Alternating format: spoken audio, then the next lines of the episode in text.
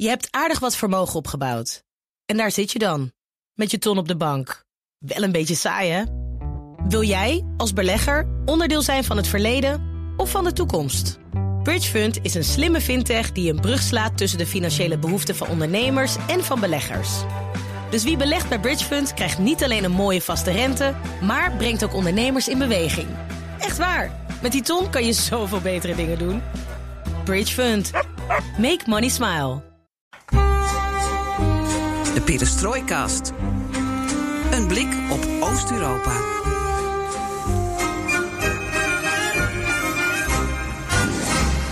Deze aflevering staat er iemand naast mij die zijn debuut als gast maakte in de vorige Perestroikast over Kroatië.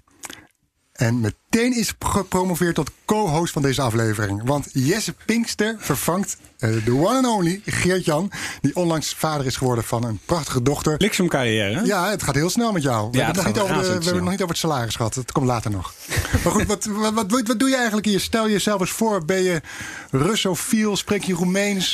Z- ligt de wodka naast je bed? Je Nou, daar, daar doe ik geen uitspraken over, die wodka. Maar ik spreek geen Roemeens, geen Russisch, geen Pools, geen Tsjechisch. Dus eigenlijk hoor ik hier helemaal niet thuis. Los van het feit dat ik eh, voor BNR me met de Europese Unie bezig hou. En daar hoort ook een, een, een groot deel van het eh, oostelijk gedeelte van Europa bij. Dus eh, in die zin hou ik het wel in de gaten. En ik kom er, de, de, vooral op de Balkan ben ik vaak geweest. Ja, wat- wat heb van je- vanaf de twintigste kwam ik daar vaak. Ehm, ik en mijn vrienden ontdekten op een gegeven moment het fes- festival Siget. En toen was dat nog een soort acht dagen durend Sodom en Gomorra. En, eh, Mhm. Dus dat heb ik een paar jaren gedaan. En sindsdien eh, blijf ik eh, met enige regelmaat om een paar jaar toch weer terugkomen. Maar dat is meestal gewoon in mijn eigen tijd. Als vakantie? Ja. Oké. Dus het woord is nu aan jou om een welkomstwoordje te doen. Welkom bij BNR Perestroikas. Dit is alweer de 31ste aflevering van de enige podcast in Nederland... die volledig oog heeft voor het oosten. Floris, gaan we doen? Jesse, we gaan het hebben over de films Honeyland uit Noord-Macedonië en Corpus Christi uit Polen. Het zijn niet de minste, eh, want Honeyland is genomineerd voor een Oscar in de categorie Beste Documentaire en Beste Niet-Engelstalige Film. En eh, in die laatste categorie is ook Corpus Christi genomineerd. En aanstaande zondag, hoe actueel kunnen we zijn, vinden de Oscar-uitreikingen plaats. Dus jij gaat je wekker zetten en je gaat de hele nacht naar de Oscars zitten Eh, kijken? ja, ik, ik, heb ik, ik ga wedden op, op deze, een van deze twee films. Ik moet Corpus Christi nog zien. Daar hebben we het zo meteen over. Ja, die heb ik ook nog niet gezien, moet ik gelijk bekennen. Gelukkig hebben we mensen in de studio die eh, die film wel hebben gezien. Eh, dus om deze films te bespreken zijn hier Iwona Gusk. Zeg ik dat goed? Woest. Ja, nou, komt, Nog komt in de buurt. Maar ik zei al, ik spreek We geen kennen Pools. Iwone al van aflevering 25 over Oost-Europese, Centraal-Europese literatuur. Ja, cultuur- en literatuurwetenschapper. En Arja van der Berg, journalist, schrijver, programmamaker en Balkanbaby. Balkanbaby. Eh, ja, Wat maakt je een Balkanbaby? dat heb ik op een eh, Twitter-bio gezet. Ja. Hè? Ja. Ehm, dus, dus dat moet ik nu gaan uitleggen. Ehm, nou, dat, ehm, dat komt eigenlijk omdat ik... eh, mijn familie heeft roots in zowel Macedonië als Servië. En ik geloof, ik meen, maar dat moet ik natuurlijk nog uitzoeken in Roemenië. En ehm, mijn eh, familie, zoals ik in opgegroeid ben in Nederland... heeft altijd mensen uit heel voormalig Joegoslavië ontvangen thuis. Dus Bosniërs, Kroaten, Serviërs, iedereen kwam bij ons over de vloer. En ik ben heel erg opgegroeid met het idee dat dat allemaal bij elkaar hoorde. En dat we heel veel overeenkomsten hadden en niet verschillen. Pas later, toen ik over de oorlog leerde... want ik was pas zes toen de burgeroorlog eh, startte... ehm, toen leerde ik pas dat er eigenlijk ook een hele andere kant was. Ehm, dus ik ben echt opgegroeid met het idee dat het eh, allemaal bij elkaar hoort. Ehm, Maar niet daar geboren. Nee, ik ben. Beetje nee, ik ben teruggeleerd. nee, ja, teruggeleerd. En ik, maar ik ben wel in Macedonië opgegroeid. Ah. eh, mijn eerste jaren. En ik heb ook de taal geleerd. En ehm, ja, ik, ik, ik stond laatst op perron. Dat is misschien wel grappig. En ik kwam twee vrouwen tegen. En die, eh, die praten Engels tegen mij. En die zeiden van, hoe laat gaan de trein naar Amsterdam? Zeiden iets in het Engels, dus ik antwoordde. En toen hoorde ik ze daarna met elkaar Servo-Kroatisch praten. En ik zei, oh, in het Servo-Kroatisch tegen hem van... oh, jullie zijn Servo-Kroatisch. Mijn familie komt uit Macedonië. Ah, zei ze, maar dit is Nasha. Je bent er een van ons. Nou, dat is eigenlijk het voorbeeld. Dat kom ik eigenlijk altijd tegen. Dat je voelt je- gewoon een diepe verbondenheid Je voelt met je, iedereen. je voelt je een van hen. Ja, en ik, misschien zelfs ook wel met Poolse mensen. Want als je het afzet tegen Nederlanders... dan Mhm. voel ik me meer verbonden met iemand uit Polen... dan vaak iemand uit Nederland. Gek genoeg. Echt? Dat zijn Ja. toch nog wel verschillende Ja, maar er, er van... is iets. Nee, maar ik weet niet Ja? wat het is. Het is een soort Ivona van... klinkt, eh, knikt ook. Ja, dat ken ik. Dat ken ik ook van verhalen van mijn Oost-Europese vrienden die hier in uh, Nederland wonen. Of die deels uh, gemengde familieroots hebben, inderdaad. Mhm. En ook met mijn eigen vrienden die heel lang in Nederland zijn. Poos uh, in Polen opgegroeid. ja, als we elkaar treffen, denken we, ja, de sfeer is toch wel wat anders. Dus er ja. zit wel iets in, in de cultuur. Ja. Wat, wat, is, wat is er dan, die cultuur? Wat, wat zit erin in wat jullie verbindt? Ik denk uh, uh, gastvrijheid ook een beetje. En, uh, een bepaalde spontaniteit die daar ja. Ja. Dat, je, dat je elkaar ook soort van ongemerkt steunt tegenover deze harde wereld die heel individualistisch is. En waarvan je weet... Onvriendelijke mensen in West-Europa. Ik wil net ja. zeggen, deze twee kaaskoppen worden even weggezet als uh, onvriendelijke. Nou, zover wil ik niet gaan. Welkom. Ik ben ook gewoon in Nederland geboren, dus ik heb dat deel ook wel. Maar uh, het is toch een soort van herkenbaarheid van... oh, we weten waar we het over hebben. Of mm -hmm. een soort bepaalde culturele code die je deelt. Uh, dat heb ik ja, heel sterk met andere mensen uit voormalig Joegoslavië vooral. Maar ik herken dat ook en het ligt er dus aan waar je tegen afzet. Als ik het zou afzet tegen Nederland, dan zou ik me eerder dus verbonden voelen met ja. uh, Pools iemand. Ja, ik zou, ik zou het een soort van onbe onbevangen hartelijkheid noemen. Ja. Oké, okay. nou, maar, uh, kunnen we leren. Sorry hoor. Goed, we gaan snel door voordat we als twee boemanden worden weggezet. Uh, natuurlijk, we hebben nog een derde... Heel onvriendelijk wat je nu doet. We voelen ons wel heel erg welkom. Dit. Nee, maar we voelen ons wel heel gastvrij dat we hier mogen komen. Oh, nou, is dat een goed teken. We hebben een glaasje water Absoluut. gekregen. we hebben nog een derde Nederlander op het eind uh, voor, voor de boeg. Uh, Joost Bosman met zijn, uh, met zijn mop. Zijn Je- onbegrijpelijke mop. nou ja, ik heb mijn hoop ge- gevestigd op jou, Jesse, dat jij hem wel snapt. nou, ik ben benieuwd. We gaan het horen. Zeker. Oh, wat ik, ik moet nog even een puntje maken over dat we ook natuurlijk eh, buiten de podcast eh, te vinden zijn. Ja. Sociaal en democratisch, Heel goed. zoals het hoort. En eh, dus heb je ideeën, breng die vooral in. Twitter naar perestrooikast of mail even naar perestrooikastapenstaatje.bnr.nl. En dan is het misschien ineens wel het onderwerp van de volgende uitzending. Wie weet. Aflevering. Aflevering, podcast. Podcastaflevering. Aflevering. Oké. Ik ben Floris Akkerman. En ik ben Jes Pinsen.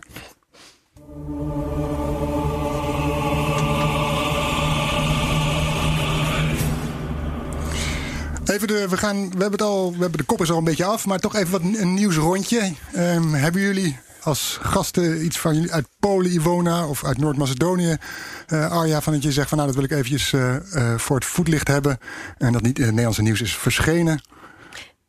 Ja, ik mag even iets toevoegen over uh, Poolse reacties op Brexit. Er is namelijk een poll gemaakt in, in, in Polen recentelijk, afgelopen weekend.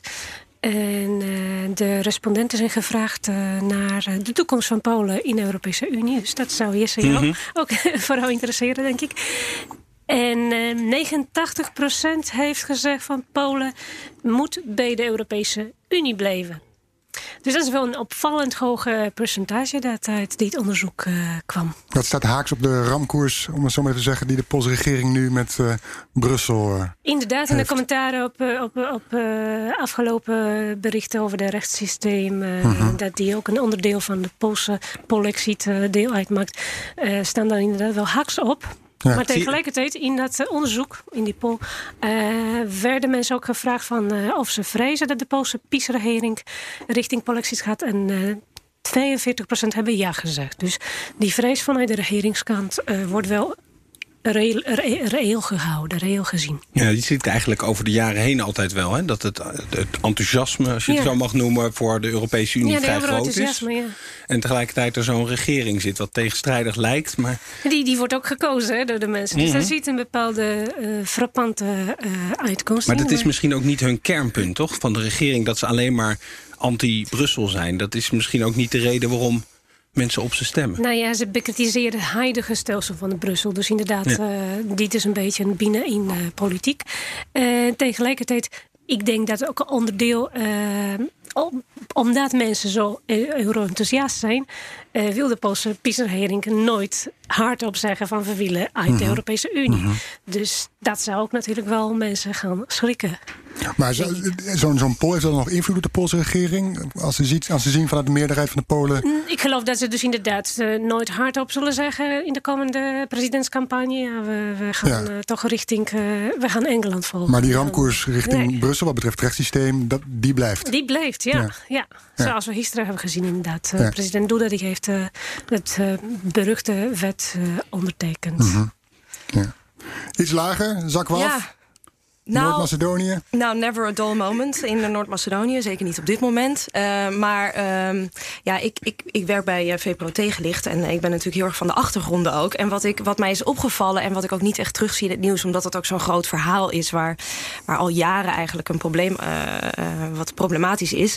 is dat... Ehm, er is nu een rapport uitgebracht door het World Economic Forum over uh, de landen die de grootste brain drain ervaren. Dus uh, de landen waar de meeste hoogopgeleide mensen vertrekken. En er staan vier Balkanlanden in de top 10, waaronder Macedonië. Um, ik denk dat als we zo dadelijk over de film gaan hebben... dat het ook wel uh, ja. ter sprake komt. Maar dat is iets wat ik ook wel zie bij vrienden. Mm -hmm. Daar, dat mensen op een kruispunt staan... waarmee ze eigenlijk al jaren gefrustreerd raken over het beleid... en over hoe Macedonië wordt behandeld. Of eigen regering hen behandelt. En dat ze eigenlijk nu de keuze hebben, sinds natuurlijk het Schengen-visum... om weg te gaan of te blijven, maar wel werkloos te zijn... of eigenlijk helemaal niks te kunnen opbouwen, geen perspectief te hebben in hun land. En als ja, zoveel hoogopgeleiden weggaan, is dat natuurlijk wel heel problematisch. -hmm. Um, ik las ergens dat 173 van de 220 afgestudeerde artsen... solliciteert op een baan in het buitenland, ja. in Macedonië. Ja. Voornamelijk in Duitsland, waar ook een heel groot artsentekort is. -hmm. um, en daar zijn mensen best wel hoog opgeleid. Uh, ondanks, nou ja, misschien zullen jullie het weten... maar de meeste mensen zouden dat niet verwachten. Maar uh, er zijn veel mensen die voor arts en voor advocaat studeren... omdat ze, ze doen geen vrije tijdsmanagement of dat soort opleiding. Want ze weten, ik heb iets heel hoogs nodig om uh, een goede baan te krijgen. Want het gemiddelde inkomen is toch ja, 250 350 euro per maand.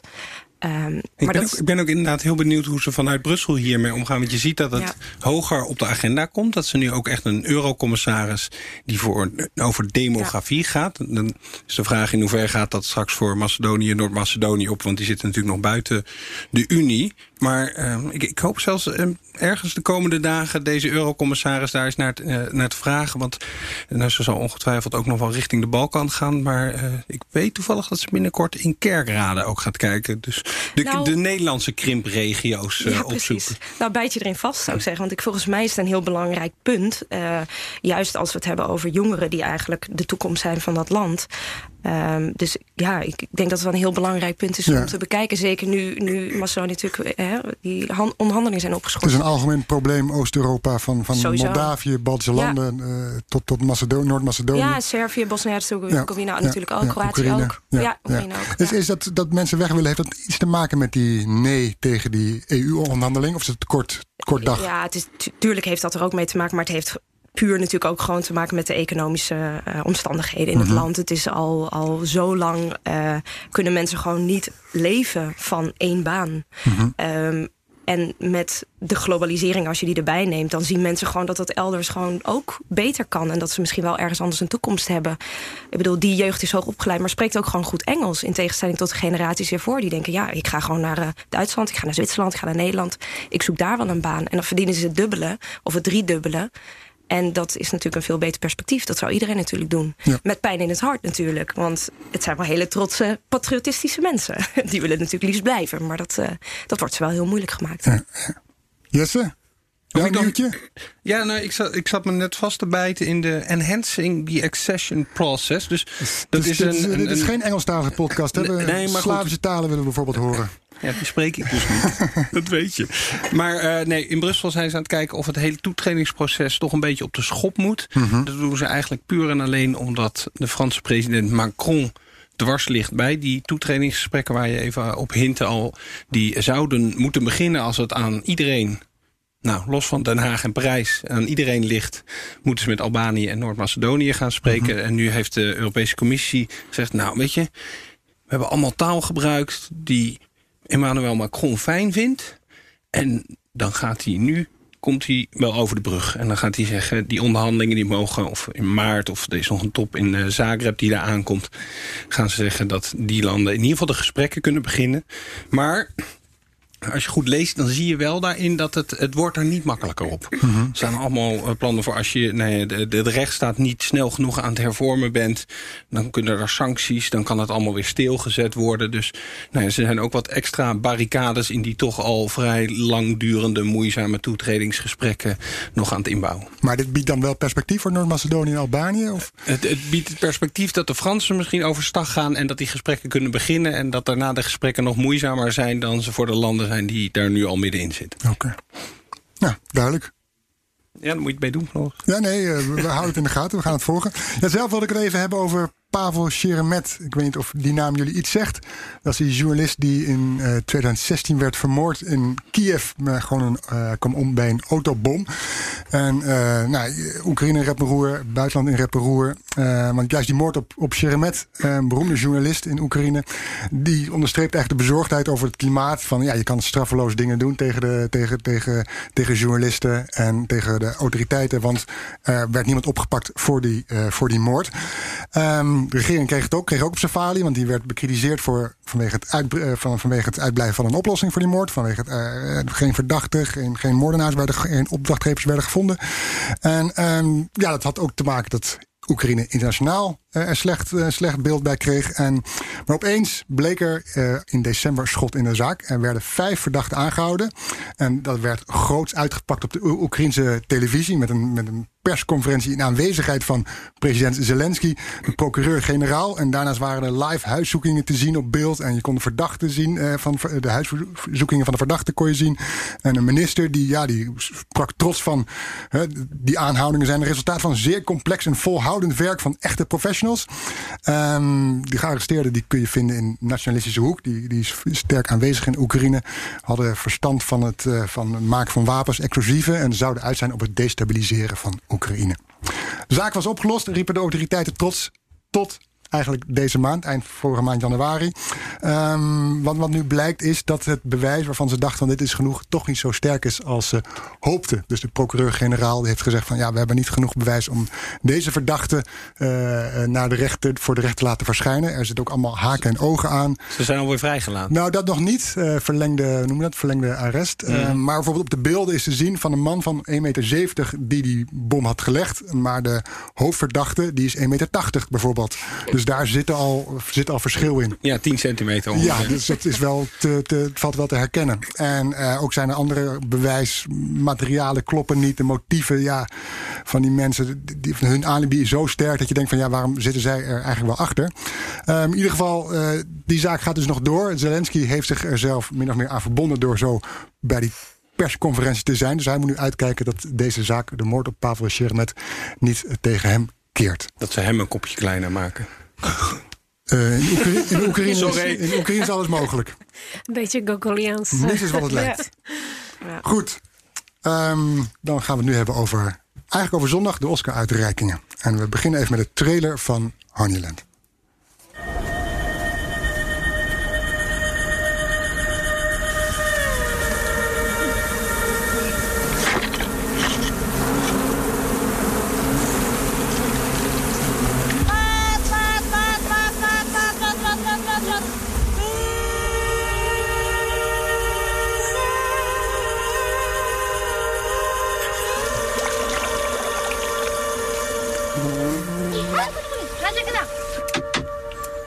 Ja, als ik die trailer. Je, je moet, voelt de bijen al om ja, ons heen ja, ja, ja, ja, precies. Nou ja, wat, wat, ik zag die trailer. Ik heb die film gezien afgelopen, afgelopen week. En dat shot dat ze op die richel staat. Mm. Uh, uh, en dan naar die wand. En die, die wand een stuk steen eruit haalt. Mm. Waar achter die bijen zit. En met mm. dat landschap achter zich. En die richel. Nou ja, als je naar beneden kijkt, dan, dan kijk je recht naar beneden. Ja, ja op mij maakt het een, en ook de beelden daarna, dat eenvoudige boerendorp, het leven van uh, uh, Muratova. Mm -hmm. uh, op mij maakt het indruk van, ja, dit, dit, dit kan niet Europa zijn, dit is ergens Centraal-Azië, ja. uh, Turkmenistan, uh, Midden-Oosten misschien, maar niet uh, Noord-Macedonië, dat ook nog zelfs naar de Europese Unie longt. Dat was eigenlijk mijn beeld uh, wat meest blijft. Ja, ja, ja, ja, ja, schitterend. En ja. ook de, uh, hoe ze haar moeder verzorgt, haar 85-jarige halfblinde moeder. Ja, ja dat, dat, beeld blijft bij mij nog hangen. Ja, Jesse, je hebt hem ook gezien?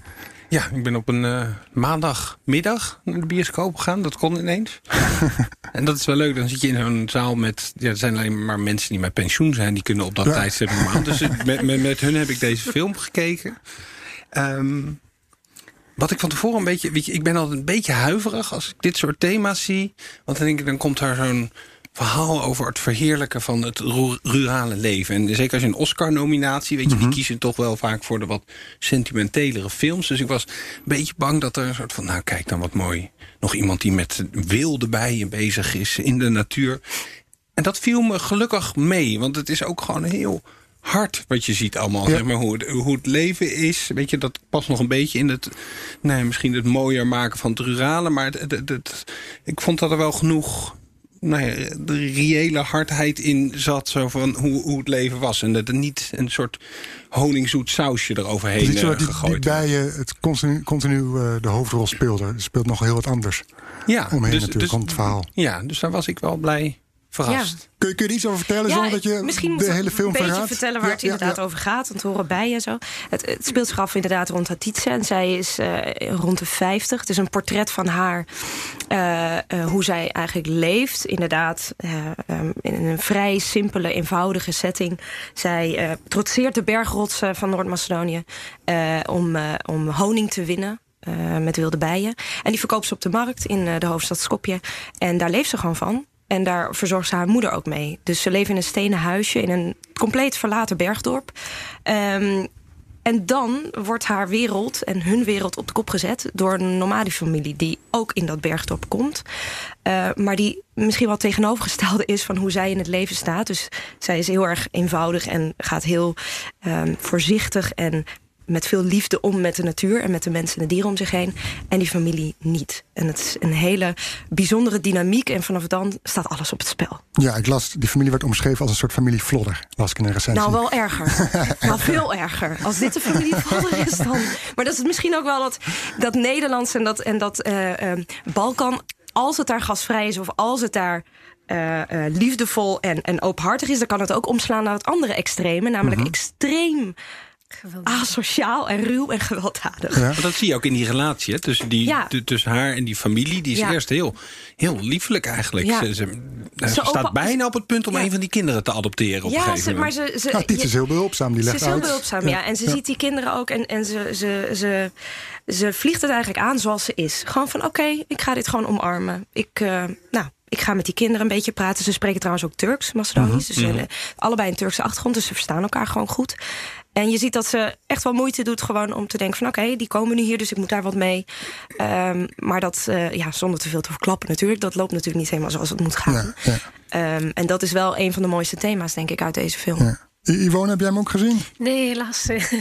ik was van plan, maar toen ben ik ver- verkouden geworden. En uiteindelijk kan ik het niet meer in mijn schema. Het zij vergeven. Er is nog Ja, tijd. Dus je, wel, je hebt wel de honing Maar- nodig gehad in ieder geval. Dat wel, ja. Ja. Absoluut. Poolse honing trouwens, hè. wel Poolse Is die honing. beter?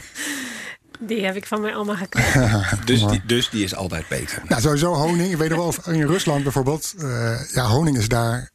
Ja, ik wil niet zeggen heilig, maar in ieder geval het wordt als een Nou, zeer belangrijk product beschouwd. en zeker. een Ik- geneeskrachtig, ja. Maar dat wordt eigenlijk over de hele Balkan wel. Misschien dan ook Het wel is in Polen. goud. Ja. Goud ja van ik- honingmarkten inderdaad. Ik herken daar ook heel erg veel van. van ehm, dat je eigenlijk wordt opgevoed met één lepel honing per dag. Ja. je, je staat op en je krijgt een lepel honing, een glaasje water. En dat is gewoon je medicijn voor de dag. Beetje eh, apple a day keeps the doctor away. Maar dan in de vorm van honing. Mhm. Ja. En ik kreeg ook altijd, als we dan in Macedonië waren geweest in de zomer... we gingen terug naar Nederland... kreeg ik altijd drie van die grote potten honing mee van mijn oma. En ik dacht altijd van, oh, god, moet ik dat allemaal weer meesjouwen? En ik heb net mijn 32 kilo gehaald, weet je wel. Ik heb allemaal kleren gekocht, weet je, als tiener. En dan moest ik die honing meenemen. Ja, nu denk ik echt, oh... Ja, nu waardeer ik dat. Nu waardeer ik dat. Maar dat is wel echt, eh, die honing is wel... eh, ja, je kunt zeggen, dat het, het voelt een beetje cliché bijna. Maar het is gewoon dat hele idee van iets puurs waarderen... Mhm. en met elkaar delen, dat is gewoon heel erg herkenbaar. In ieder geval En het voor is lekker en zoet. Ja, is heel zeker. lekker. Voor in de thee. En ze verkoopt die, die, die potten, de bijenhoudster in de film. Het zijn grote potten, maar wel voor, voor 10 euro op de markt. Het zijn geen goedkope. Dus die, die kwaliteit wordt ook wel, wel gezien en gewaardeerd natuurlijk. Zeker. Ja, dat wordt ook gewaardeerd. Maar ik denk wel dat het minder wordt. Want je ziet ook in de film op een gegeven moment dat zo'n man probeert naar beneden te halen. Want die denkt, ja, mensen mijn kopers waarderen dit misschien niet zo zoals ik dat waardeer. En die gaan dit geld er niet voor geven. Dus dat denk ik ook wel dat dat wel verandert. Maar ja, haar leven, dat is haar leven. Ze leeft ervan. En je ziet dat ze dan terugkomt ook met gewoon eten uh, dat die honing heeft opgebracht. Uh, uh, wat overigens echt heel prachtig is aan die film cinematografisch. Um, het zijn gewoon net kleine vermeerportretjes. Zeker de, de, de scènes waarin uh, Hatitse dus met haar moeder, die hoogbejaard is... Uh, in, die, in, die, in dat stenen huisje zit. Dat is allemaal zo mooi gefilmd, ook zonder uh, extra licht. Hè? Want ze hadden daar geen elektriciteit toen ze daar mhm. filmden. Die filmmakers hebben er drie jaar over gedaan om dit te doen. Om dit te filmen. Ze hebben echt daar gekampeerd in die tuin. Um, en je ziet dat ook gewoon heel erg aan de belichting... en de manier waarop ze dat kleine schouwspel ook een keer in beeld wilde brengen. Zo puur en zo klein um, en heel schilderachtig. En wat ze zeggen ook onderling, het zijn niet enorme dialogen... maar wat ze zeggen tegen elkaar is ook van, van die grootmoeder, van die uh, moeder. Ja, ze zijn wel ook raak. Heel, raak, maar ook heel hard. Een van de, ik las een interview met een van de filmmakers en die zei ook... we wisten eigenlijk pas na een jaar of anderhalf jaar wat ze zeiden tegen elkaar. Toen pas kregen we het transcript. Dus we hebben eigenlijk alles een beetje op gevoel gedaan. En dus zij spraken de taal niet? Ze spraken de taal niet, want ze spraken Macedonisch. Ze spraken geen Turks. Mm -hmm. En um, dus ze kregen pas veel later het transcript. En toen viel toch wel alles op zijn plek. En ze, ze, ze zagen dat het toch wel dat was wat ze hadden gehoopt en wat ze hadden verwacht. En toen zei die regisseur, die zei uh, van uh, die moeder is een van de beste scenaristen die ik ken. Dit is gewoon, dit is gewoon, ze heeft dit, dit is gewoon een perfect scenario wat ze heeft. Ja, maar da daarom ging ik dus ook af en toe twijfelen of ik nou naar een documentaire zat ja. te kijken ja. of naar een speelfilm. Ja. Er zijn idee ook Oscar, Oscar-nominatie voor beide, een documentaire. Dat is heel bijzonder. Ja, ja en, maar soms, en dat heb ik er niet bij de introductie gezegd. Ik heb ooit back in the days filmwetenschappen gedaan. Weet je, dus dan gaat de filmwetenschapper mij, die raakt een beetje in de war op een gegeven moment. Van, ja. van ja, wat is het nou eigenlijk waar ik naar zit te kijken? Ja. Maar dat, dat zit misschien ook verklaard in die drie jaar dat ze daar gefilmd hebben. Dat je dan ze hebben dat wel met dat. Oh, ik denk dat ze dat. Uh, want ze wilden eerst een korte film maken, dus een korte documentaire, alleen maar rond Atice. Mm. En toen die familie erbij kwam, werd het in één keer een veel groter verhaal. Maar. Die familie kwam onverwachts erbij, geloof ik. Die kwam onverwachts erbij en dat hebben ze niet. Nee, dat, en dat hadden ze ook niet gefilmd, die aankomst. Maar het zijn eigenlijk seizoensmigranten. Dus die komen na een tijdje weer. Dat weet je niet als je de film uh, oh, ziet. Dus ze hebben gewoon de tweede aankomst. Dus de tweede aankomst de hebben ze gewoon gefilmd. Ah. En kijk, als documentairemaker maak je gebruik natuurlijk van dat soort dingen... om je mm -hmm. verhaal te vertellen. En de manier waarop het is gedraaid lijkt natuurlijk ook wel heel erg uh, op fictie.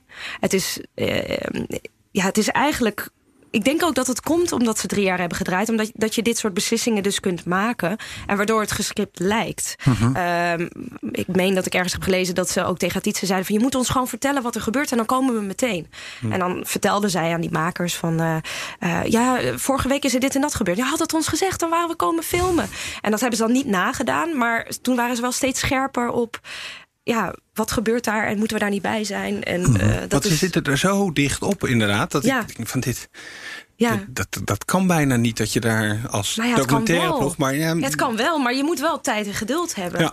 En ik denk dat dat um, toch wel een, een misvatting is Um, ook over documentaire maken of over reportages maken. Dat moet allemaal vrij snel, dus er is altijd weinig geld voor.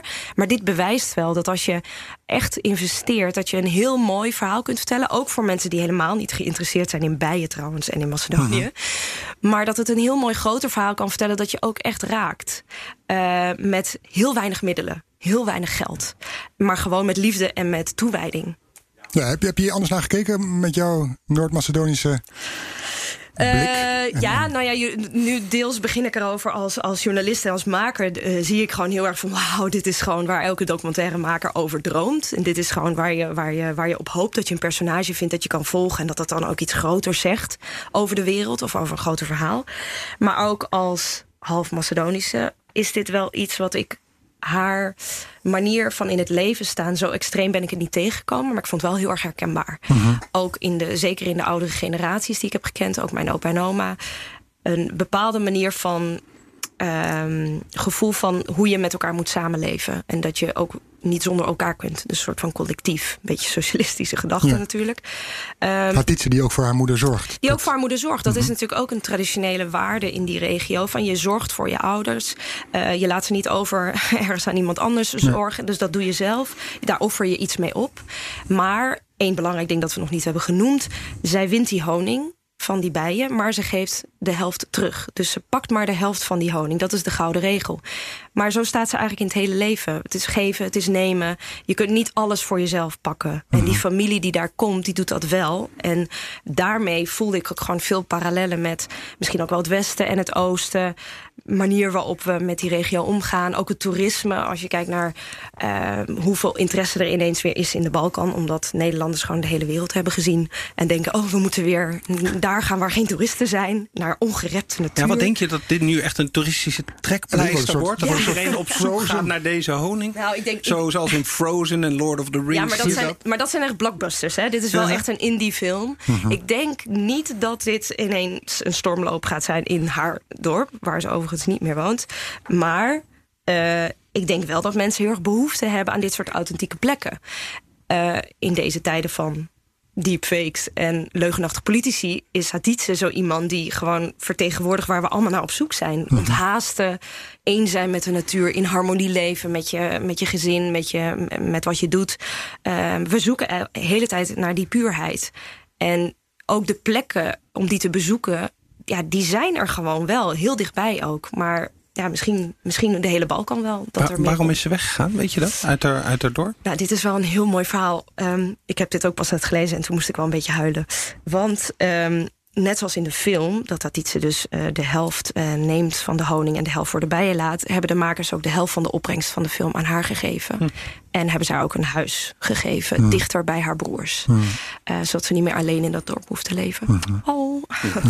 Want dat gebied, ken je dat, waar zich die film afspeelt? Dat is zo verlaten en, en eenzaam. Nou ja, de Balkan barst sowieso van dat soort eh, plekken. Je kunt wel heel veel van dat soort verlaten bergdorpjes vinden... eh, waar we maar weinig mensen wonen. Dit specifieke dorpje kende ik niet. Anders eh, was ik er natuurlijk iets mee gaan doen met dat iets. Maar eh, die ken ik niet. Maar ik heb wel veel van dat soort plekken bezocht. Ook toen ik er woonde een paar jaar geleden. aan het Ochrietmeer, waar eh, mijn familie ook vandaan komt. Dat is een van de meest toeristische plekken in Macedonië. Ehm, en ik was daar in een bergdorpje ook, een voorbeeld, heel diep in de bergen waar eigenlijk niemand meer woont. Het was helemaal verlaten. Het heeft een waanzinnig uitzicht op het meer. Ehm, verlaten huizen, verlaten straten. Alles nog wel intact, maar er woonde gewoon niemand meer. Behalve twee huizen naast elkaar. En er kwam een vrouwtje naar buiten. Heel klein, bijna geen tanden. Eh, Er zat een varkentje ergens naast, eh, eh, naast het huis in een modderpoel. En ze we raakten aan de praat en ze zei... En ze begon in één keer te zeuren over haar buren. En ik zei zo, ja, maar waarom heb je dan zo last van buren? Oh, vreselijk, dit en dit en dat. Wat bleek nou? Ze zijn de enige twee families in dat dorp en ze hebben ruzie met elkaar. Al jarenlang. Maar ze hebben elkaar wel nodig. Want ze wonen op 1200 meter hoogte. Naast en er elkaar. is naast elkaar. Ze hebben elkaar nodig voor water. Ze hebben elkaar nodig voor de boodschappen. Voor, voor alles wat er om. En dat, dat, her, dat ken ik dus. Dat herken ik wel. Gewoon als je zo'n verhaal ziet over Artietse. En je ziet. Je, die film zegt ook heel veel over. Je hebt elkaar gewoon echt wel nodig. Je kunt niet zonder elkaar afzonderlijk van elkaar leven. Zie je dat ook terug in Polen? Is het, Eh, sorry. nou, dat je niet afzonderlijk met elkaar kan leven, die solidariteit, zie je dat ook terug in? Eh, ja, natuurlijk op- op het platteland. Hè? Dus dat, Mhm. vooral op het platteland heb je dat. Eh, De grote steden zijn steeds meer individualistisch. Dus natuurlijk mensen kijken eigenlijk naar eigen, eigen belang en eigen familie. Eh, doet het niet zoveel wat de buurman, buurvrouw doet. Mhm. Maar op het platteland is die symbiose veel sterker. En dan gaat het heel vaak over een nieuwe weg, weg bouwen. En dan moet je samen een solidariteitsverklaring eh, hebben. Zodat men afstemt hoe die weg moet lopen. Eh, nou ja, dit soort dingen. Nog, nog heel even terug naar Honeyland. Want ik zat op die maandagmiddag in een zaaltje vol met ja, babyboomers eigenlijk. Dus ik ben even rustig blijven zitten na die film om te luisteren wat iedereen erover zei. En veel zeiden, nou ik had toch wel verwacht dat het iets liever zou zijn. Ik dacht, een mooie bijen. Dus die waren, ik vond het ook een vrij hard verhaal. Maar ik hoorde ook iemand zeggen van, en dat ging een beetje over de, de, de gezins-familierelatie onderling. Van wat een archaïsche manier van met elkaar omgaan. En ik was een beetje bang dat zo- zo'n film, die draait dan hier in de filmhuis, misschien ook heel erg het, het beetje het clichématige beeld wat er is van de Balkan bevestigt. Als, als ruraal, eh, een beetje Achterlijk. vriendelijk, Ja. misschien een beetje slecht, slechte gebitten, Ja. gebitten ehm, maar ook, ook Ja. inderdaad dat, die, die felle ruzies. Ja. Dat je denkt van, is dit nou Dit is echt- niet Macedonië. Eh, nee, daarom. Dat Nee. gevoel had ik ook een beetje. Nee, ja, ik, ik had eigenlijk ook echt een knoop in mijn maag toen ik er zat. Want ik, dat, dat ruwe, eh, dat harde wat erin zit, dat, dat zie je daar niet als je daar gewoon als argeloos toerist. Of ik, ik kom daar mijn hele leven al, ik ben opgegroeid. Ik zie dat ook niet. Eh, maar je hebt het op bepaalde plekken heb je het wel. En ik denk dat het vooral ligt dat die makers zo dicht er bovenop hebben gezeten al die tijd dat, je dit, dat dit zichtbaar wordt. Als je maar heel erg inzoomt natuurlijk op een plek, dan lijkt dat natuurlijk de- het hele land te beslaan. Dat zou ook hier in Nederland kunnen natuurlijk. Dus wat dat, je ergens betreft... in Friesland of in, in, in Groningen Ja. drie jaar lang bij... Precies, of ergens in een probleemwijk of waar dan ook. Of inderdaad heel ruraal. Ehm, eh, dus die verhalen zijn echt wel overal. Ik denk dat als je inzoomt... Ik denk dat het vooral ligt aan onze manier van naar dat, naar dat gebied kijken. Mhm. Ja, ik hoop maar dat mensen eh, beseffen dat er meer is. Maar ik zou het eerlijk gezegd niet zo heel erg vinden. Ik vind dit verhaal meer zeggen over... ehm, meer iets positiefs toch wel zeggen... dan iets negatiefs over het gebied. Want we zoeken allemaal toch wel echt naar... ehm, hoe we omgaan met natuur. Ook in het kader van duurzaamheid, in het kader van hoe we deze planeet gaan redden. We hoeven dat niet allemaal opnieuw uit te vinden. En we doen soms in het Westen wel heel erg alsof we alles opnieuw gaan uitvinden met techniek. Maar hele simpele waarden kunnen we ook bij andere culturen zien. Hoe zij leven en hoe ze omgaan. Dus met geven en nemen. Niet alles zo hebberig willen eh, eh, ja, nemen. Ehm, dus ik denk dat dat, ik hoop maar dat dat er vooral wordt ingezien. En niet eh, de negatieve kant. Dat, dat natuurlijk. Oh, sorry. Ja, als ik iets kan toevoegen. Kijk, in Nederland is het verschil tussen platteland en grote stad heel klein eigenlijk. Ja. En mensen Klopt. vergeten heel vaak dat het leven op het platteland, waar de stad dus ver vandaan ligt, toch een stuk anders in Europa eruit zit. En ik zou, ik denk Frankrijk of Italië of Portugal, daar zou je het ook zien, of Spanje.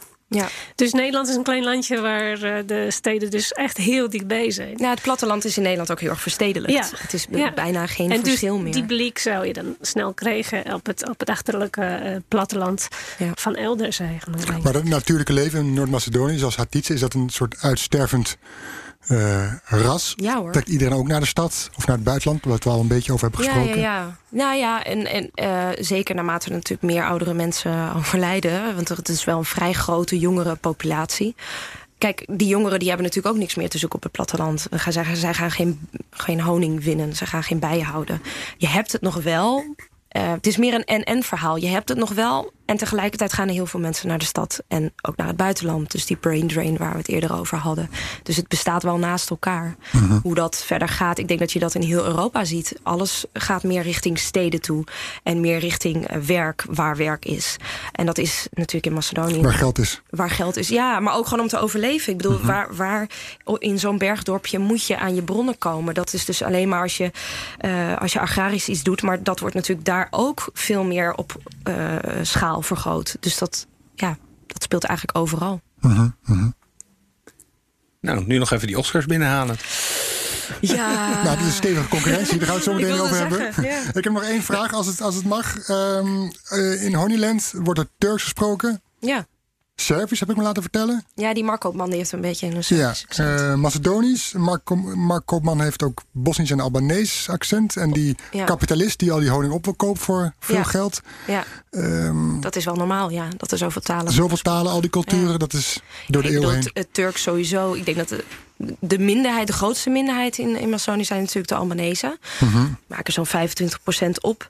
Maar zeker cultureel gezien denk ik dat de Macedoniërs veel meer hebben met het Turkse. eh, ehm, alleen maar al om het eten en de taal die erin is geslopen. Ehm, ehm, niet, ze verstaan elkaar niet altijd, maar er zit wel een, een soort van verbondenheid. En dat is ook wel een kleinere groep. Maar ja, eh, Macedonië heeft ook eh, binnen Joegoslavië natuurlijk gezeten. En toen werd er ook op de scholen Servisch geleerd. Mijn Ja. oma heeft ook Servisch op school gehad. Ja. En ze is later ook naar Servië gegaan. eh, en heeft daar haar dochters gekregen. Dus mijn moeder onder andere. Ehm, dus die talen, dat is vrij normaal dat dat allemaal door elkaar loopt. Ja. En zondag zitten ze allemaal voor de buis Ja. om naar de Oscar-uitreiking te kijken. Ja, ik ben best wel zenuwachtig eigenlijk. Maar ik vind het, eh, ja? nou is eigenlijk wel. natuurlijk. Nou, het is heel bijzonder, want wanneer hoor je Macedonië nou eigenlijk Precies, nieuws? Je hoort het alleen maar over die stomme naam. En, en Ja, Macedonië, Noord-Macedonië. Oh, alsof er niks meer is dan dat. En, ehm, en, en ja, ook over corrupte regeringen en de bevolkingsgroepen die eh, spanningen. eh, oh, hoe gaat het daar?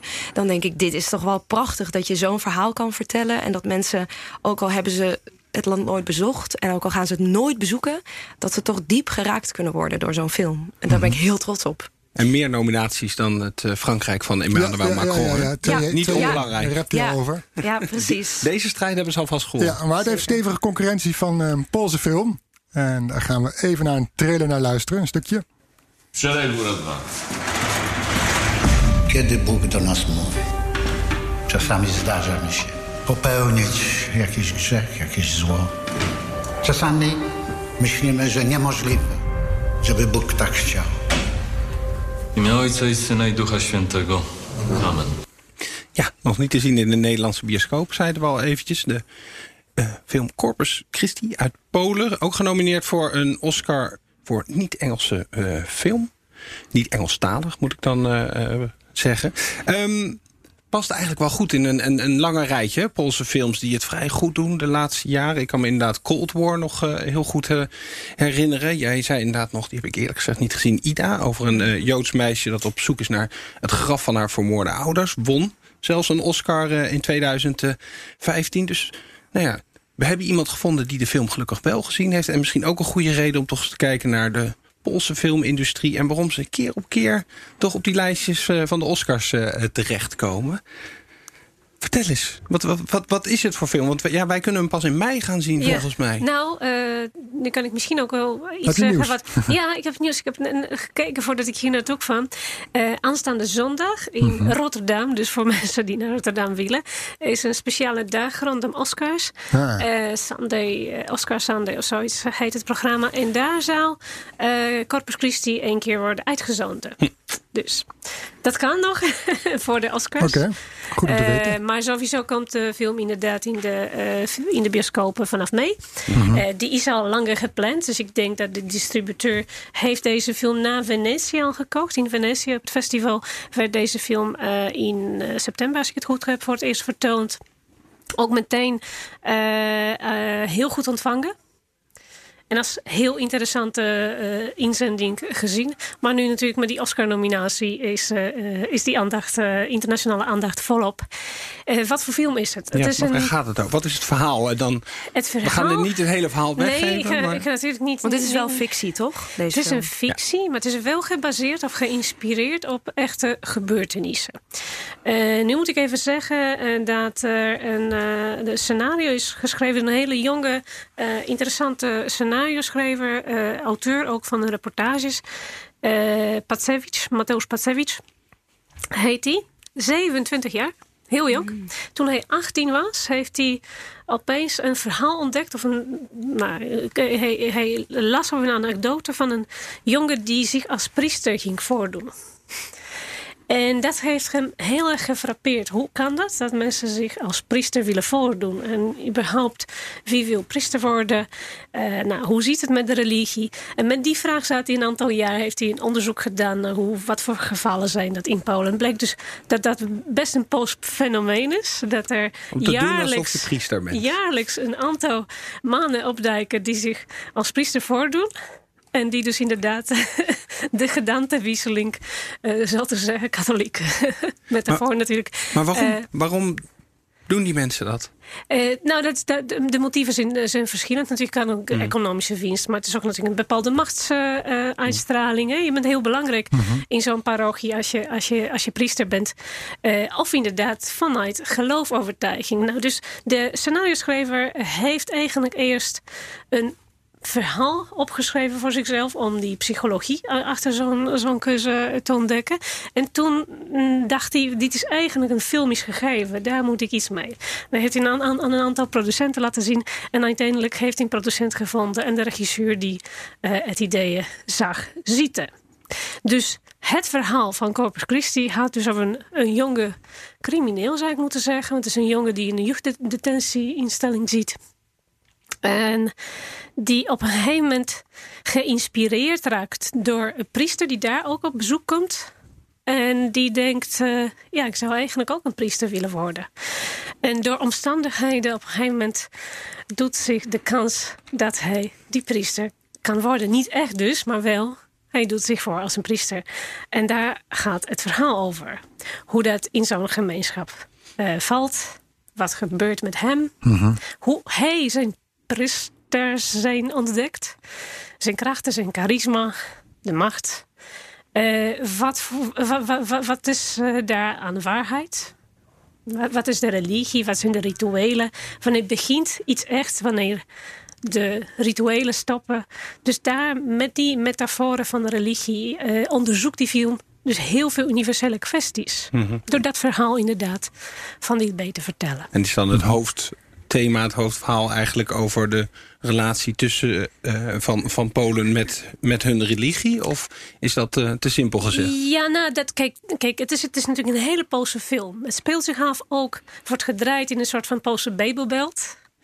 Echt Waar is dat? o- oostelijke hoek van Polen. Waar ook inderdaad het meest katholieke, eh, traditionele geloofsovertuigingen eh, worden bedreven.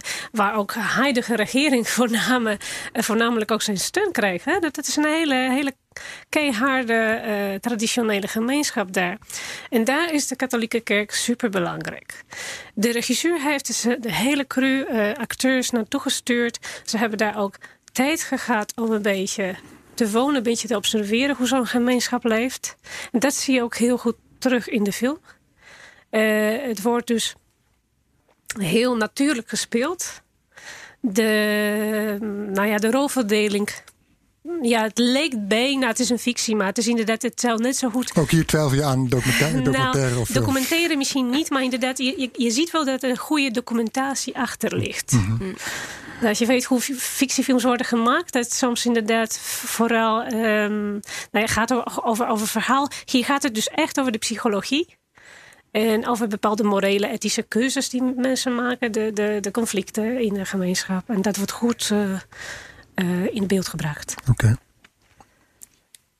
Ik ben heel erg benieuwd. Ja, ik ook. Ik, ik kijk Jess even aan. aan. Ik denk, ik Geïntrigeerd. wacht nog even misschien met de vraag. Eh, ja, moet- je moet nog even geduld hebben, Ik moet nog geduld hebben. Ja. Want het is wel Ja. concurrentie. Ja, het is, het is- Nou ja, kijk, eh, ik denk dat dit jaar sowieso best veel goede films genomineerd zijn. Ja, ja. Ik denk dat die Korea, nominaties ik. die Ja. betekenen al heel veel voor die landen. Ja. Eh, Ik bedoel, Jan Komasa, dat is ook een jonge, vrij jonge Poolse regisseur. Ik zou hem eh, enorm eh, die Oscar gunnen, omdat dat ook betekent dat hij meteen het internationale geld voor zijn eh, filmproducties kan halen. Ook net als met Pavlikovski. Maar Pavlikovski, die dus de twee films die je noemde, eh, heeft geregisseerd, Cold War en Ida, die heeft al eerder in het buitenland gewerkt. Dus hij is ook iets veel meer eh, ervaren op, op het gebied van co-producties. Geld, internationaal geld inzamelen. Terwijl Kamasa, hij, hij kan nog groeien. Dus hij heeft een enorme potentie. En zo'n Oscar zou dan natuurlijk wel een bijzonder eh, duwtje in de rug zijn voor deze makers. Maar die, die namen die ik noemde van de scenario schrijver, nou 27 jaar, is ook een hele jonge, eh, jonge filmmaker. Eh, acteurs, heel jong, talentvol. Dus het is inderdaad ehm, wat ik heel opvallend vind. waar, waar komt die rijke filmindustrie zo vandaan? Alle succesvolle films, al die acteurs die uit de... Nou, dit, is er vandaan worden gehaald. dit is sowieso de traditie. Hè? Dus de Polen zijn heel trots op hun Poolse filmschool. eh, Mhm. sinds de jaren 50, sinds Andrzej Wajda en, en eh, later natuurlijk Kieslowski. Dus bekende namen in de, in de filmwereld. En Want dat zijn regisseurs, of ik ben niet zo bekend in de... Regisseurs, ja, dat zijn de regisseurs. Eh, nou, ook re- relatief eh, vaak eh, genomineerd in internationale prijzen. Andrzej Wajda die heeft Oeverprijs eh, Oscar eh, gekregen in 2000, als ik me niet eh, vergis, rond 2000. Mm, dus in Polen bestaat een bepaald filmpubliek. En ook een filmgeneratie na generatie die van elkaar leert. Dat zie je bij Komasa. Dat je bij Pawlikowski. Want die proberen ook een beetje dat, die beeldtaal te spreken. Die ook in eerdere, oudere communistische eh Poolse films te zien is. Eh, er ziet, er een bepaalde zorgvuldigheid over hoe de films worden gemaakt. Ook vanuit de kant van de regisseren. En waarom ik die films als inderdaad een, een, een, een, een eh, crewwerk zie, dus een teamwerk zie. Eh, iedereen die weet hoe Poolse films worden gemaakt, die ziet meteen dat dat zijn niet alleen maar geweldige acteurs, maar die worden ook geweldig geregisseerd. Dus zo'n regisseur die neemt dan beslissing van... eh, we gaan met z'n allen naar dat dorpje waar we gaan draaien. Daar gaan we zitten, gaan we bijeenkomsten organiseren... met eh, lokale bij- eh, publiek, met gemeenschap. Jullie kunnen observeren, kijken wat er leeft. Interacteren. En dat is een onderdeel van het proces. En dan zie je het effect terug. Het is niet alleen maar draaien, maar ook inderdaad een hele research. Research van, van psychologie en, en kijken, antropologisch research bijna. Het is ook een grote markt natuurlijk. Ik bedoel, het is een groot land met veel inwoners. Dus je hebt, Ja, je hebt een publiek zeker. waar je het Ja. voor kan maken. Dat klopt wel, ja, natuurlijk. En Polen gaan graag naar de film. Dus het is nog steeds een, een, een van de eh, favoriete eh, vrije tijdsbesteding. eh, ja. Dit gaat over, over religie. We hadden het net over Cold War. Dat gaat eh, eh, nou ja, over de, de Koude Oorlog. We hadden al een film met, eh, met de Holocaust erin. Het- het zijn wel zware thema's, grote thema's. Is dat, zijn dit een beetje de, de, de uitzonderingen... en worden er gewoon voor de rest heel veel leuke, vrolijke comedies gemaakt in Polen? Of is toch de mainstream misschien wat serieuzer... dan, eh, dan, dan wat wij eh, in de gemiddelde bioscoop voorgeschoteld krijgen? Nee, ik denk dat het sowieso. Nou, kijk, als je, als je naar de arthouse kijkt, dan is het inderdaad een, een, eh, een, altijd een beetje serieus. eh, eh, dat zijn meestal serieuze thema's. Polen heb, kent ook inderdaad entertainmentsfilms. Eh, heel veel romantische comedieën worden gemaakt. En allerlei historische drama's. Vooral nu eigenlijk. De huidige regering investeert heel veel geld in, in allerlei grote historische blockbusters. Ehm, Om de geschiedenis van het land nog eventjes... ja, wat absoluut. Grote- versie. te maken? Te reframen. gro- Grote, glorieuze maken, ja. momenten uit de Poolse geschiedenis. Alleen eh, het probleem is dat er, die, die films die trekken toch eh, niet zo heel veel eh, publiek aan. En dat, dat is een beetje het grote falen van, van de huidige regering. Eh, ja, dat- het probleem is natuurlijk... Het grootstedelijke publiek is dus niet echt zo pro deze regering. En, het, En dat het zijn is wel de mensen die naar de de mensen die bioscoop naar de bioscoop gaan. Dus die films die kosten heel veel, maar die leveren iets minder op. Maar goed, als af en toe zo'n Oscar-film gemaakt wordt, dan Maar er zit wel heel veel geld in ook, wordt ingestoken. Dus Heel vanuit de regering, maar Heel ook veel vanuit geld, eigen ja. potjes of regisseurs. ja, die heel veel geld. Eh, er worden ook onafhankelijk films gemaakt met crowdfunding. Dus mm, vorig jaar hadden we een aantal eh, controversiële documentaires... die dus niet op de eh, eh, zeg maar staatspotjes konden rekenen... maar met eigen crowdfunding. Eh, die zijn dus meestal eh, anti-regerings of eh, eh, anti-katholiek... of anti-kerk eigenlijk zou ik moeten zeggen, eh, films. Of die dan kan je nog wel kritisch subsidie in. Brussel krijgen ook. Volgens mij zag ik bij een van de films ook zo'n Europees vlaggetje. Nou weet ik even niet meer welke het was, maar dat is natuurlijk wat ze in Brussel graag heb doen. het Hup, vlaggetje erop, vlaggetje erop, vlaggetje erop. Nou, ik denk dat die eh, Europese subsidies sowieso wel vrij toegankelijk zijn voor de makers. Hè? Want kijk, elke film wordt gemaakt met een aantal potjes. Dat zo, Ja. zo- bestaat sowieso niet dat er vroeger Het is niet. Amerika, dit is Europa. In, in, in communistische tijden was het één maker en één eh, geldschieter altijd. Ehm, maar ja, nu is het inderdaad wel een beetje bij elkaar sprokkelen eh, van alle kanten. Maar de Poolse Filminstituut, die, die, die eh, is de baas van, van filmindustrie in Polen. Die kreeg natuurlijk heel veel eh, inderdaad regeringsgeld. En dan moeten ze jonge makers of gevestigde makers. eh, En met dat regeringsgeld moeten ze ook eh, pro-Poolse films, of pro-regeringsfilms maken? Ja, of mag nou, je kijk, ze, ze hebben wel een strategie. Hè, zoals elke instituut, ook in Europa, een strategie geeft. We moeten deze thema's ondersteunen. En een van die belangrijke thema's is inderdaad de Poolse geschiedenis inderdaad Mhm. goed in beeld te brengen. Omdat ook als een soort van onderwijsproject eh, wordt het gezien. Mhm. Dus daar, daar nou, absoluut. Maar ehm, het is niet zo eh, opzichtelijk dat er eh, geen andere films worden gemaakt. Nee. Nee. Wat dat betreft is de filmindustrie nog onafhankelijk en zie je niet de druk bij, de, bij het rechtspraak. Ja, nou, maar dat heeft ook inderdaad wel te maken dat die filmmakers ook andere pootjes kunnen bijsprokkelen. Co-producties zijn mogelijk. Dus, eh, en bovendien, je krijgt eerst geld voor het eh, ideeën. Dus je moet eerst een soort van scenario aanleveren. Dan kan je van alles nog veranderen. Zo was er ook inderdaad een discussie twee jaar geleden, als ik me niet vergis, toen de film Clergy uitkwam. Dat was die eh, een van die fictiefilms die vrij negatief over de Poolse kerk. eh, Of de, Poolse, de katholieke kerk in Polen in vrij negatief beeld eh, zette. Maar dat, deze film die heeft ook inderdaad heel veel geld gekregen eerst van die officiële Poolse insti- filminstituut. Nou, dus daarna werd er gediscussieerd hoe kan, hoe kan het dat zo'n film geld krijgt. Maar ja, waarschijnlijk op het papier zag het nog niet zo slecht uit. En dan Je hebt natuurlijk op een gegeven moment ook die documentaire over misbruik in de kerk gehad. Hè? Dat is-. Die, ja, nee, oh ja, nee. Die, die, die, die, dat is die. iedereen via YouTube Maar gewoon die is eh, dus bekeken. eh gecrowdfunded. Ja. ja. Nee, want dat, dat zie je volgens mij in gecrowdfund. Polen wel wat meer. Dat het ook in de journalistieke... Ik heb daar wel eens Ja. een gesprek met iemand ook over gehad... Van dat dat eigenlijk nog wat diverser is. Weet je, we hebben het vaak over de rechtsstaat. In Hongarije zie je dat ook de media een soort van... nou ja, allemaal in eh, bezit van eh, vrienden van Viktor Orbán Mhm. is. Maar dat is in Polen toch echt wel anders, hè?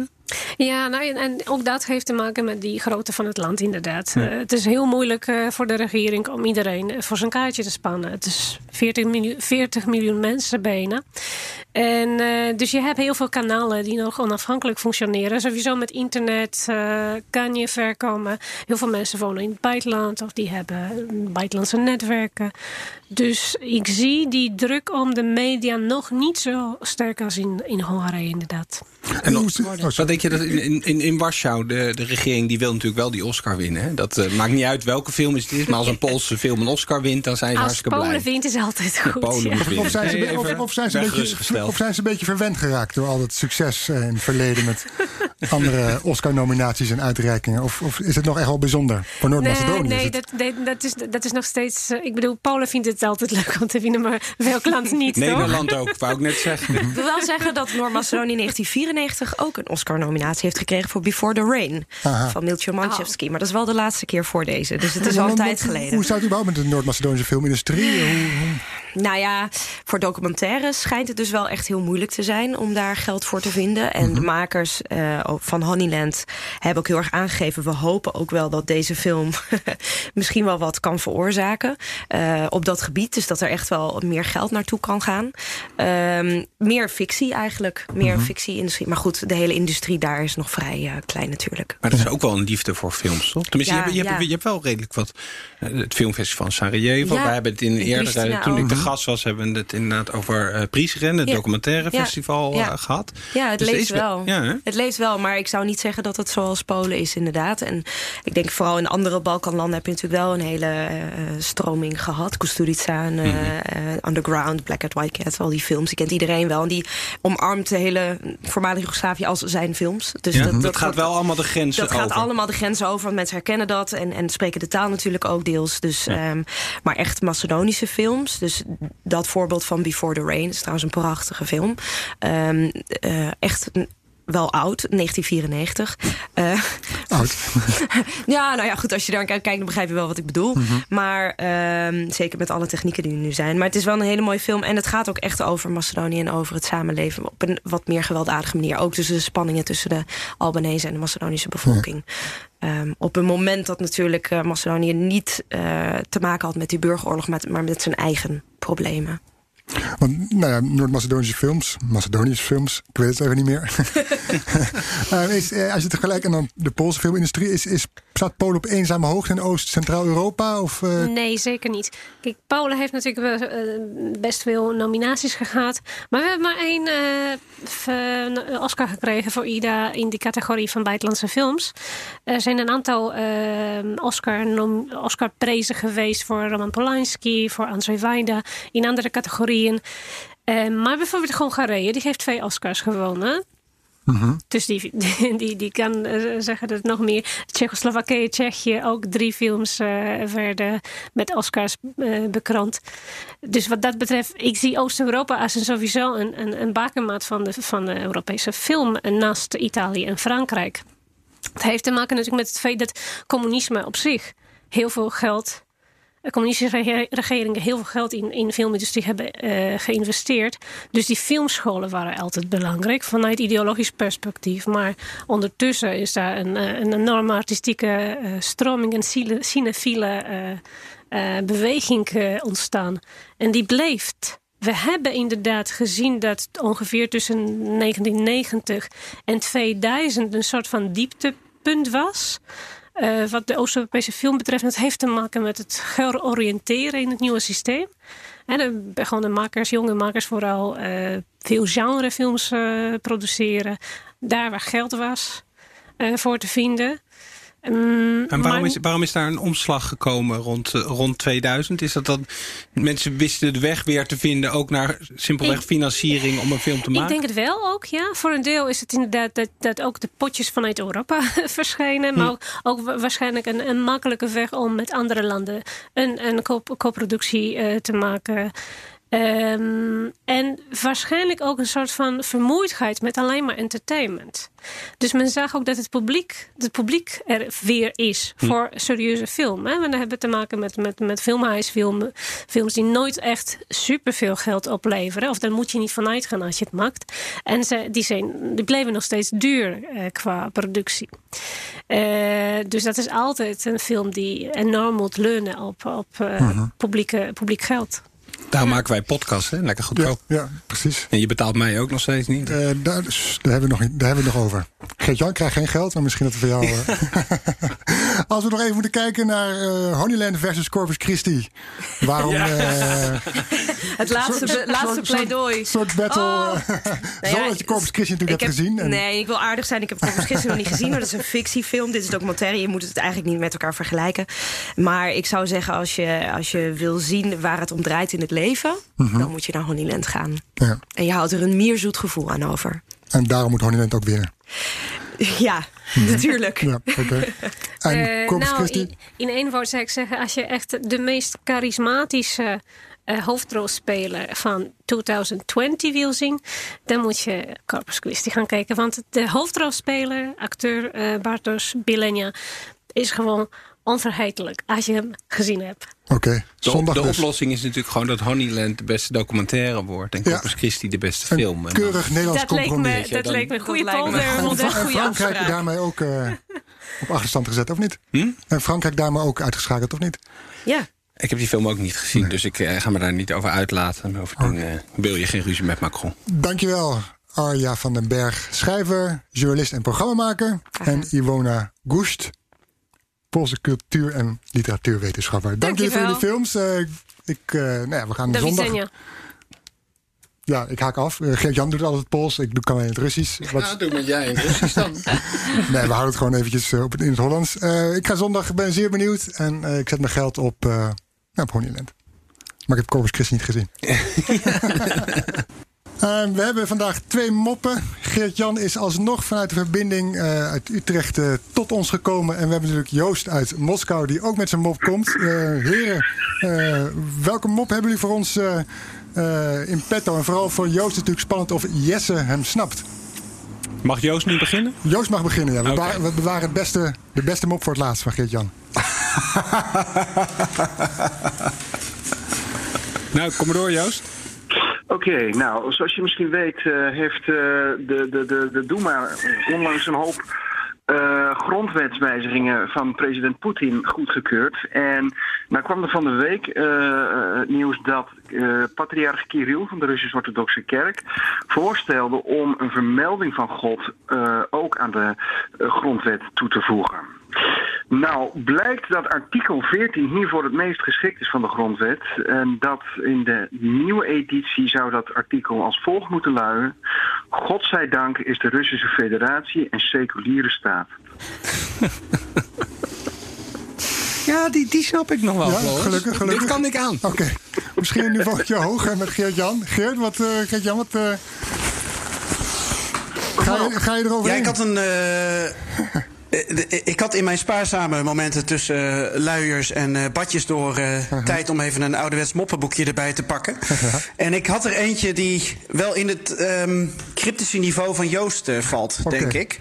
Dus ik ben vooral benieuwd of hij hem eh, snapt. Ik heb net eh, totaal niet met hem meegeluisterd, maar het was vast een goede mop. Daar komt hij.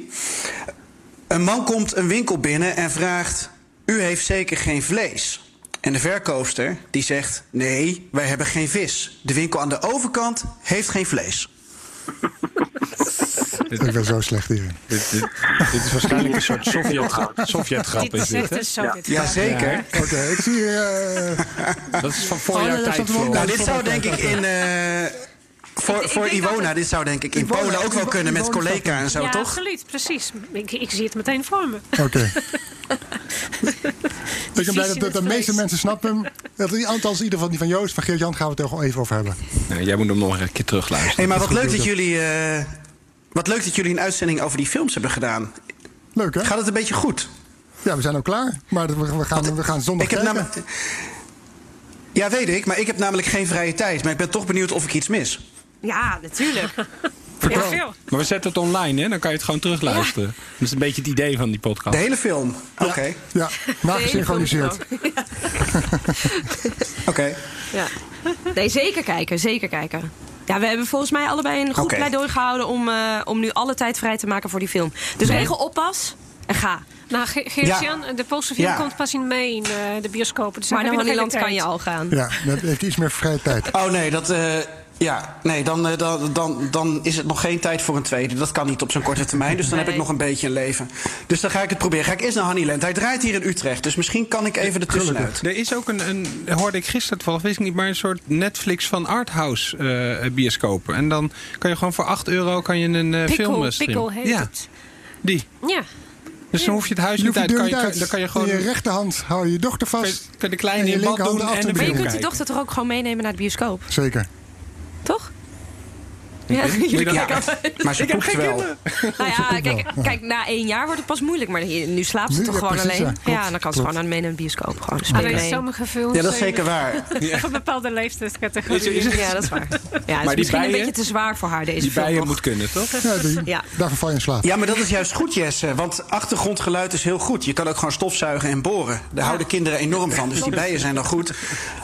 Dus dan moet ik Honeyland duurt volgens mij 87 minuten. Dus ik moet daar zo erop prepareren dat ze die 87 minuten door buiengeluid in slaap blijft. En dan eh, is het een geweldig dagje uit. Ja, eigenlijk wel. Wat Gaat houd je tegen? Oké. Dankjewel, Joost. Ja, graag gedaan. En Geert-Jan. Oh, Joost was er ook nog. Ja, die was er ook nog. en eh, Geert-Jan, hoop- hopelijk tot snel weer in de studio eh, eh, hier bij BNR. Mag ik nog even wat opmerken? Oh, dat mag. Die, die mop van Gert-Jan, die kende ik al, maar ik dacht dat hij al zo bekend was dat ik hem nooit heb durven vertellen. Je bent gewoon jaloers. Alleen Geert-Jan denkt dat hij ermee weg Krijg- krijgen we hier een beetje haat en nijd onderling.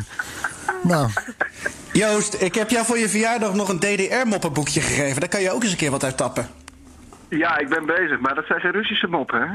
Of mag dat, ma, ma- hoeft dat Maakt er niet uit. Nee, oké, oké. Nee, dat hoeft er Ja, niet. ik heb, ik heb Pakka, nog Dan moet je eens een pakka. keer in Duitsland gaan zeggen dit, dat het niet uitmaakt. Maar goed. pakka. Bedankt iedereen. Yo, pakka, pakka. Tjus. Je hebt aardig wat vermogen opgebouwd. En daar zit je dan, met je ton op de bank. Wel een beetje saai, hè? Wil jij, als belegger, onderdeel zijn van het verleden of van de toekomst? Bridgefund is een slimme fintech die een brug slaat tussen de financiële behoeften van ondernemers en van beleggers. Dus wie belegt bij Bridgefund krijgt niet alleen een mooie vaste rente, maar brengt ook ondernemers in beweging. Echt waar, met die ton kan je zoveel betere dingen doen. Bridgefund. Make money smile.